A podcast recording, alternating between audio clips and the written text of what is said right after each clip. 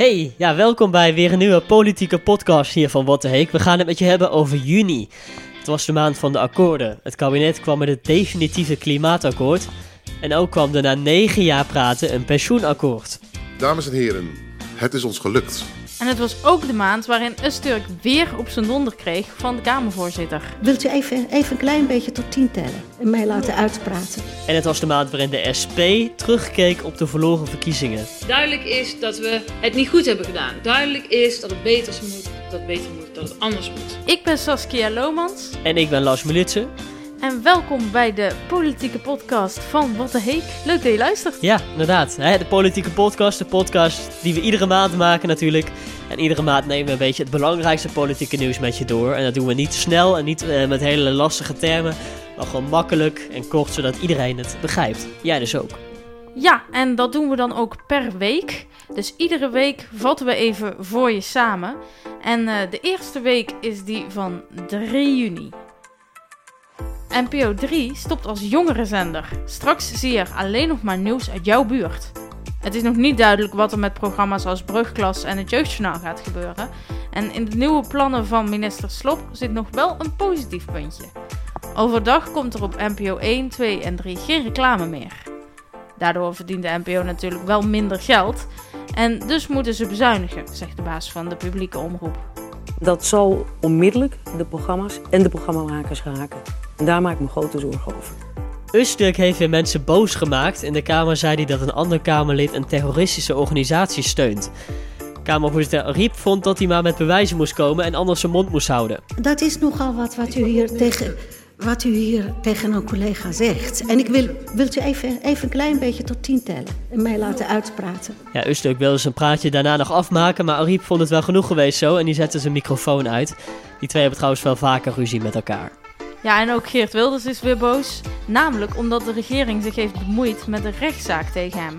Hij staat nu voor de rechter om zijn minder Marokkanen uitspraak, vijf jaar geleden. Volgens Wilders heeft de minister ervoor gezorgd dat die hele rechtszaak er überhaupt kwam. En hij wilde daar een groot onderzoek naar, maar in de Kamer had hij weinig medestanders. Het kunnen ons niet permitteren dat we alle Zimbabwe een regering hebben die eh, ervoor zorgt dat het OM parlementariërs gaat vervolgen. Die schijn ligt er nu. Dat moet worden onderzocht. Dan moet het op de bodem worden uitgezocht. Dat zou iedere parlementariër aan moeten gaan. Ja, en dat ze dat niet doen en niet willen, het zijn ontzettende ja, lapswansen. Studenten hoeven toch niet extra te dokken als ze hun studieschuld terugbetalen. Minister van Engelshoven die wilde eigenlijk de rente, de prijs die je betaalt voor zo'n studielening, hoger maken. Maar kreeg dat in de Eerste Kamer niet voor elkaar. Tot grote blijdschap van deze jongeren. Nou, dit is een strijd eh, die we hebben gewonnen en waar we ook echt even van gaan genieten. Maar ik ben me ook heel erg bewust van het feit dat het leenstelsel nog steeds bestaat. Waardoor heel veel mensen besluiten om niet op kamers te gaan, om niet door te stromen naar een hoger niveau. Om überhaupt niet te gaan studeren. Dus wat mij betreft gaat die zo snel mogelijk van de baan. Ja, dat snap ik ook wel, eh, dat je daar blij mee bent. Ik bedoel, het was al dat de basisbeurs, dus dat je gewoon als je ging studeren geld kreeg van de overheid naar het leenstelsel gegaan. Dus dat je wel geld krijgt van de overheid, maar het vervolgens ook weer moet terugbetalen als je afgestudeerd eh, bent. En nou zou dat lenen ook nog eens duurder worden. Ja, ik ben nu ook student en ik, ik eh, log nog wel eens in bij Duo. Dat is een organisatie die gaat over het studiegeld. Hè. Die, die keert iedere maand geld uit aan studenten. En als je daarin logt, dan krijg je meteen een heel groot bedrag te zien van wat je aan het lenen bent. En bij mij staat er ondertussen een heel groot bedrag Doet pijn, na vier jaar. En dat doet toch wel een beetje pijn, moet ik eerlijk zeggen. Dus ik ben heel blij dat ik het allemaal eh, wel mag terugbetalen zonder rente te betalen. En dat blijft dus nu zo, hè? Ja, want wat eigenlijk het plan was van eh, de minister, en dat is eh, minister van Engelshoven, zij wilde dat je geld extra betaalt over het geld wat je moet terugbetalen. Dus jij krijgt maandelijks als je studeert een bedrag. En als jij afgestudeerd bent, dan betaal je alles wat je gekregen hebt tijdens je studie terug. Maar eh, de minister wilde dat je daar bovenop nog extra geld eh, ging betalen. Dus geld wat je niet eens gekregen hebt tijdens je studie. En daarvan zeiden de partijen in de Tweede Kamer, nou, voor u dan maar. En in de Eerste Kamer zeiden ze, ja, maar dat gaat ons echt veel te ver. Dus nu zie je dat in de eh, Eerste en Tweede Kamer toch de meningen best wel een keer kunnen verschillen. Heel veel mensen zeiden dat moet je niet doen, die, die rente op die lening. Want ja, heel veel mensen gaan dan misschien wel niet studeren omdat ze zeggen het is veel te duur. Dus dat was een beetje het argument om het niet te doen. Andere mensen zeiden dan juist weer van als je geld leent bij de bank, ja, dan moet je ook rente betalen. Dus het is ook logisch dat je ook rente gaat betalen als je geld leent om te studeren. Dus dat was een beetje de afweging. En ze hebben dus gezegd van oké, eh, we houden het gratis, dat lenen. Je, je moet wel het geld terugbetalen, maar je hoeft geen extra geld te betalen. En dan gaan we denk ik over naar week 2. En dat is de week van 10 juni. Ankie Broekers-Knol van de VVD die heeft een nieuwe baan. Ze stopte deze maand als voorzitter van de Eerste Kamer en ging aan de slag als staatssecretaris van Justitie en Veiligheid. Ja, voordat ze wegging heeft onze premier dat nog even in het zonnetje gezet. Het is me dan ook een eer u te mogen mededelen dat het zijn majesteit de koning heeft behaagd u te benoemen tot ridder in de orde van Oranje Nassau. En ik weet eigenlijk niet of dat hoort bij de Senaat, maar in dit geval vind ik een luid applaus daarbij zeer rechtvaardig. Ja, ze kreeg een uh, onderscheiding dus. De VVD opent een wel hele bijzondere helpdesk. De afgelopen jaren moesten meerdere partijleden vertrekken omdat ze zich niet netjes hadden gedragen. Zo werd een wethouder beschuldigd van omkoping en leek het erop dat een Kamerlid zichzelf extra geld had gegeven. Dat wil de VVD niet nog een keer laten gebeuren en daarom dus die helpdesk, zegt de voorzitter. Als er dan uh, mensen zijn die twijfelen van joh, ik heb nu iets voor liggen, wat is nou wijsheid? Dan, uh, dan kun je bellen of uh, overleggen om gewoon eens te spiegelen en, en te sparren. Ja, en na negen jaar onderhandelen is er dan eindelijk een pensioenakkoord. Dames en heren, het is ons gelukt. In dat akkoord zijn afspraken gemaakt over wanneer je nou mag stoppen met werken. De leeftijd waarop je met pensioen mag gaat minder snel omhoog dan eerst. En mensen met zwaar werk mogen drie jaar eerder stoppen met werken. En Pechtold is weer terug in Den Haag. Hij gaat de verbouwing van het Binnenhof leiden. De oude gebouwen van de Eerste en Tweede Kamer moeten dringend worden opgeknapt. Op sommige plekken lekt het, niet alles is brandveilig en het hout begint te rotten. Een paar jaar geleden viel er nog een lamp naar beneden in de Tweede Kamer, midden in een vergadering. Om die...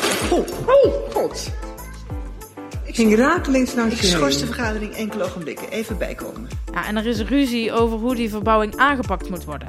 En het is Pechtold's klus om die op te lossen. Ja, dat is nogal een klus natuurlijk, want er is flinke ruzie over hoe die verbouwing nou moet worden aangepakt. Sommige mensen zeggen van, weet je wel, als we nu toch gaan verbouwen, laten we het dan ook groots aanpakken. Laten we dan een mooie binnentuin aanleggen en laten we dan ook uh, de ingang een beetje mooi opknappen, want de ingang die zit nu nog gewoon in een winkelstraat namelijk.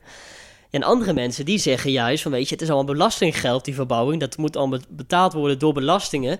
Dus laten we het een beetje sober houden. We het een beetje klein houden en niet al te groots aanpakken. En dat is nu een beetje de ruzie waar Pechtold uh, mee aan de slag mag. Ja, sober en betaalbaar. Dat uh, vinden veel Kamerleden uh, belangrijk. En daar komt ook nog eens bij dat het natuurlijk hele oude gebouwen zijn. Uh, de Tweede Kamergebouwen rondom het Binnenhof, dat is allemaal rond de middeleeuwen gebouwd. En als jij denkt, ik ga het allemaal modern maken en ik zorg dat het er allemaal uh, gelikt uitziet uh, zoals we dat in 2019 mooi vinden. Ja, dan pas je dat wat in de middeleeuwen gemaakt is, pas je aan. En vooral de Kamervoorzitter, Ariep, die, uh, die is daar niet blij mee. En wat er nou eigenlijk gebeurd is, is dat een architectenbureau begonnen is met het ontwerpen van het nieuwe binnenhof. En toen dat ontwerp klaar was, met onder andere een tropische binnentuin, toen zeiden veel Kamerleden: ja, maar zo gaan we het niet doen. En inderdaad, Pechtold mag nu uh, proberen om te, uh, uit te zoeken wat de Kamerleden dan wel willen. Want dat is nog niet zo makkelijk. Ze weten niet zo goed wat ze willen. Maar ik begrijp dat ze echt over een jaar al aan de slag willen. Dan willen ze al echt gaan beginnen met bouwen. Dus ze moeten wel een beetje opschieten nu, toch? Ja, dat, uh, er moet wel schot in de zaak komen. Want nou, we hoorden net uh, hoe de lamp naar beneden viel. Het is wel hard nodig hoor. Het is ja. geen overbodige luxe om uh, die panden uit de middeleeuwen even van een nieuw likje verf te voorzien. Ja, want jij je bent best vaak geweest natuurlijk op die plekken. En zie je dat inderdaad ook overal? Dat er overal scheuren te zien zijn en dat het overal lekt? Is het echt zo erg? Nou, het is een heel groot uh, gebouw, maar er zijn inderdaad sommige delen zijn ouder dan andere gedeeltes. En die gedeeltes die het alleroudst zijn, de SP zit daar bijvoorbeeld, daar kun je inderdaad gewoon uh, het laminaat van de vloer trekken en dan zie je, hé, hey, we kunnen bijna naar de volgende verdieping kijken. Ja. Dat, uh, dat, dat is niet buiten dat het waarschijnlijk niet echt heel veilig is, is het ook niet echt heel prettig werken. Ja, en we gaan door naar de volgende week van uh, juni, de derde week. En dat is de week die begon op 17 juni. Ja, de leden van de SP kwamen bij elkaar in Amersfoort. Echt reden voor een feestje was er niet, want het gaat niet goed met de partij. De afgelopen drie verkiezingen verloren ze flink en daardoor mogen ze zelfs niet meer meedoen in het Europees Parlement. Duidelijk is dat we het niet goed hebben gedaan. Duidelijk is dat het beter moet, dat het beter moet, dat het anders moet. En vandaag hebben we volgens mij een mooi begin gemaakt met de zoektocht naar die verbetering. Veel leden op de bijeenkomst waren boos en verdrietig. Een club mensen binnen de SP gaat nu kijken hoe het zo mis kon gaan. Nou, het gaat minder goed met de economie dan het kabinet voor dit jaar had voorspeld. De meeste mensen die gaan er wel op vooruit qua inkomen, dus ze kunnen meer uitgeven, maar het gaat minder goed dan gedacht.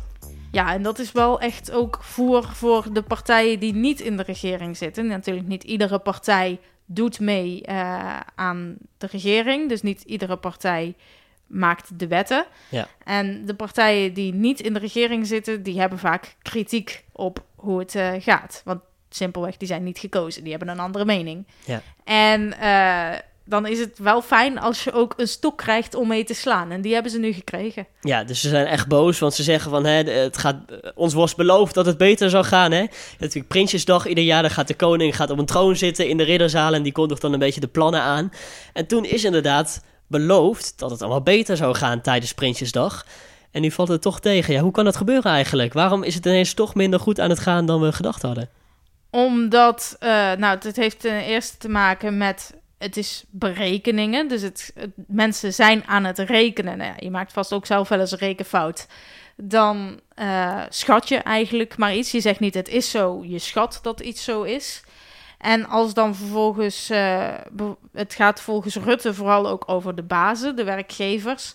Als die toch minder mensen aannemen, omdat ze daar ja, gewoon minder zin in hebben, omdat ze denken dat het nog niet goed genoeg gaat met het bedrijf. Als ze daar niet genoeg vertrouwen uh, in hebben, ja, dan gaan er dus ook automatisch minder mensen werken. Ja. En dan valt dat tegen.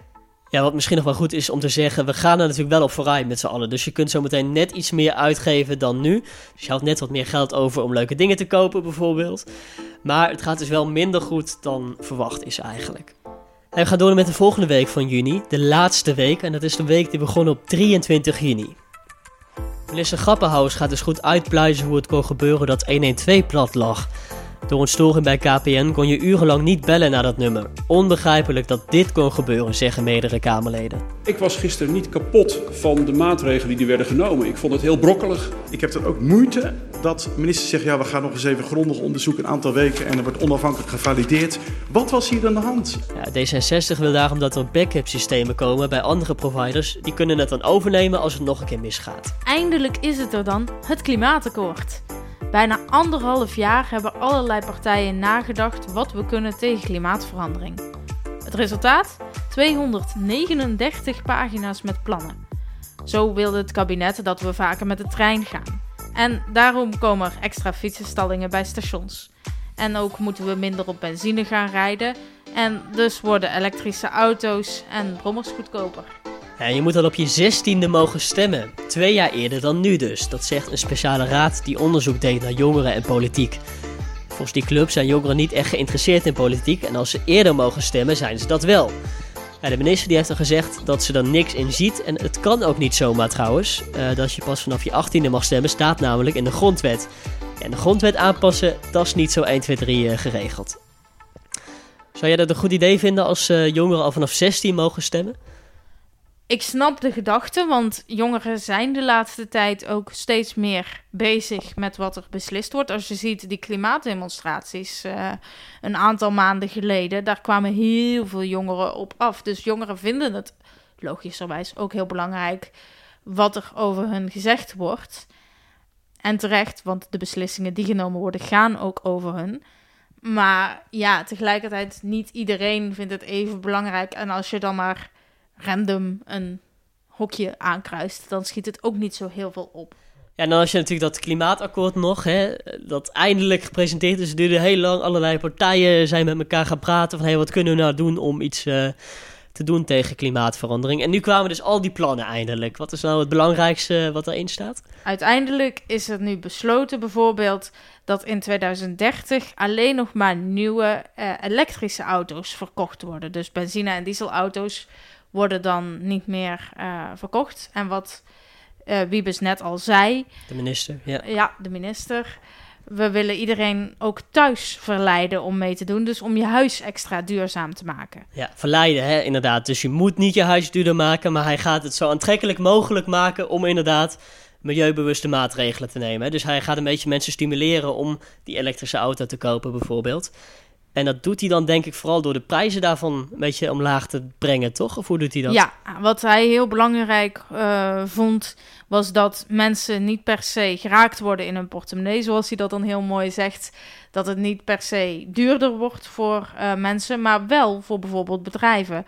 Want er komt een CO2-belasting. Dus als jij heel veel uh, vuile stoffen uitstoot als bedrijf zijnde, dan ga je daar wel extra voor betalen. Dus bedrijven mogen van Wiebes best wel wat meer betalen als ze niet zo schoon zijn.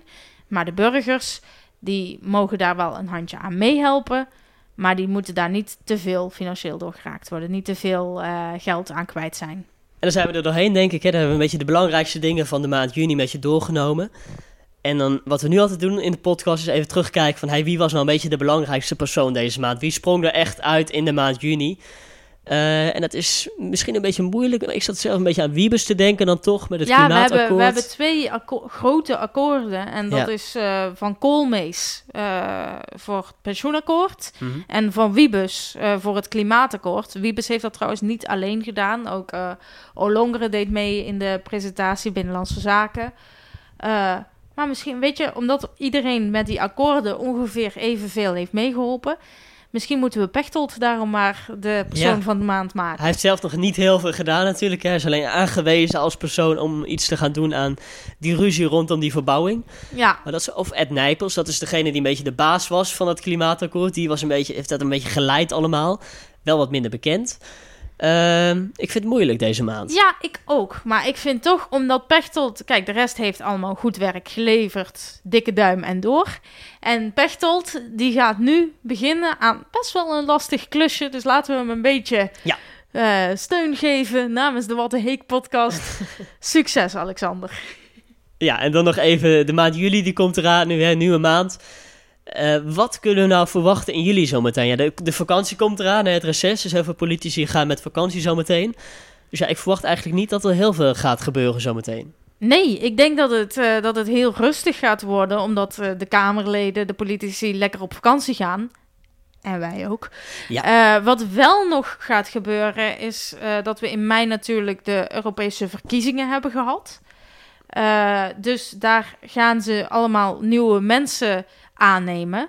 Dus daar gaan ze kijken, oké, wie wordt de voorzitter uh, van de Europese Commissie en zo. Ja. En het zou best kunnen dat daar Nederlanders bij zitten. Dus dan zien we een paar Nederlanders die een baantje krijgen in Brussel. Ja, ik denk aan Frans Timmermans bijvoorbeeld, bijvoorbeeld hè, van de PvdA. Ja. Die heeft heel veel gewonnen toen in de tijd in Nederland. Dus hij maakt best wel eens kans om een mooie positie te krijgen daar in Europa. Dus wie weet, dat gaan we allemaal zien in juli. En dan zijn we volgende maand weer bij je terug. Ja, en ondertussen als je op de hoogte wil blijven van het laatste politieke nieuws, check dan vooral even watdeheek.nl. Daar lees je de hele verhalen. En uh, we zijn er ook op Facebook, Twitter en op uh, Instagram natuurlijk. Dus uh, voeg ons ook vooral daartoe als je ondertussen op de hoogte wil blijven van het laatste politieke nieuws. We zijn klaar. Dank u wel.